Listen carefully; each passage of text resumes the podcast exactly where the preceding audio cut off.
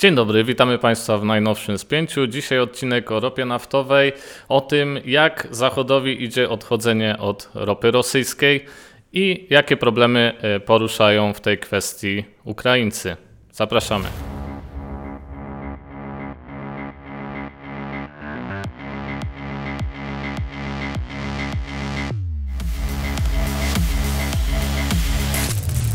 Witam w najnowszym odcinku Spięcia. Jest ze mną Jacek Perzyński, redaktor Business Alert. Dzień dobry Państwu.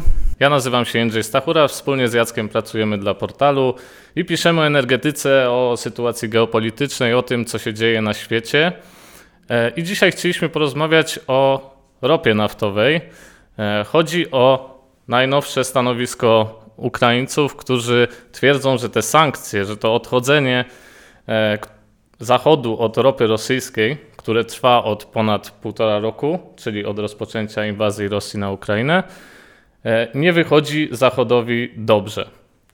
E, Jacku, czy ten problem faktycznie jest, e, czy, czy on jest tak duży, pomimo przecież kolejnych nowych pakietów, które Unia Europejska i cały Zachód stosuje wobec ropy rosyjskiej? Hmm. E, cóż, w tym aspekcie rola trzecich krajów, jak e, Chiny i Indie jest kluczowa. E, należy pamiętać przede wszystkim o tym, że w maju tego roku Indie zaimportowały 69 milionów baryłek rosyjskiej ropy. To jest 10 razy więcej niż w całym 2021 roku, także proceder ten jest ogromny. E, przed rozpoczęciem e, inwazji e, na Ukrainę import rosyjskiej ropy na rynek indyjski był marginalny i wynosił raptem 1%. Natomiast obecnie znacznie urósł, a 40 razy i obecnie rosyjska ropa w Indiach stanowi 40% całego importu. I tutaj jakby nawiązujemy do tego, że te sankcje y, zachodnie nie są szczelne przez to, y, że ropa jeszcze według Ukraińców gdzieś krąży po między innymi po krajach Unii Europejskiej, y, tylko że pod łatką tej ropy przetworzonej w Indiach czy w Chinach. Jacku, i teraz zapytam Cię, co proponują Ukraińcy w takim razie? E, Kijów domaga się tego, żeby grupa G7 e, zakazała e, handlu produktami robopochodnymi, które, które zostały wytworzone z surowca z ropy e, rosyjskiej, a nawet, e, nawet te, które pochodzą z krajów e, trzecich, niekoniecznie, które zostały te wyprodukowane na terytorium Rosji. Drugą, znacznie ważniejszą propozycją jest to, aby Unia Europejska zmniejszy, zmniejszyła górny limit cenowy, jaki nałożyła na rosyjską ropę, tak zwany price cap. I tutaj warto powiedzieć o price cap, czyli o cenie maksymalnej ropy, e, gdzie w grudniu Unia Europejska, w zasadzie Rada e, Unii Europejskiej wprowadziła, zatwierdziła cenę maksymalną ropy na poziomie 60 dolarów, e, a Ukraińcy proponują teraz. Żeby, żeby obniżyć ten limit do 30 dolarów. To jest dosyć interesująca propozycja. Wiemy, że Polska i kraje bałtyckie są za, ale niestety w tym aspekcie trudno jest o kompromis e, i ta sprawa wydaje się nieco awykonalna, e, gdyż propozycja to jest konflikt interesów. Wiemy, że Grecja zarabia krocie na transporcie rosyjskiej ropy i może być po prostu przeciwna e, tej propozycji. No to teraz zapytam, jaka rola Chin i Indii w tym wszystkim? E, przede wszystkim należy pamiętać o tym, że obecnie import e, rosyjskiej ropy, jak i produktów ropochodnych do Unii Europejskiej jest zakazany. Natomiast i tą lukę skutecznie wypełniają Chiny Chiny i Indie, które po promocyjnych cenach skupują rosyjską ropę. Cała sytuacja jest również furtką dla Kremla, gdyż nadal czerpie zyski, a celem, celem sankcji było uniemożliwienie i ograniczenie wpływów budżetowych Rosji. Natomiast sytuacja nie jest tak idealna, jak to prezentuje rosyjska propaganda, gdyż twarde dane gospodarcze pokazują, że Rosja co prawda wysyła tyle samo ropy co w poprzednich latach, ale zyski z tego tytułu są znacznie mniejsze.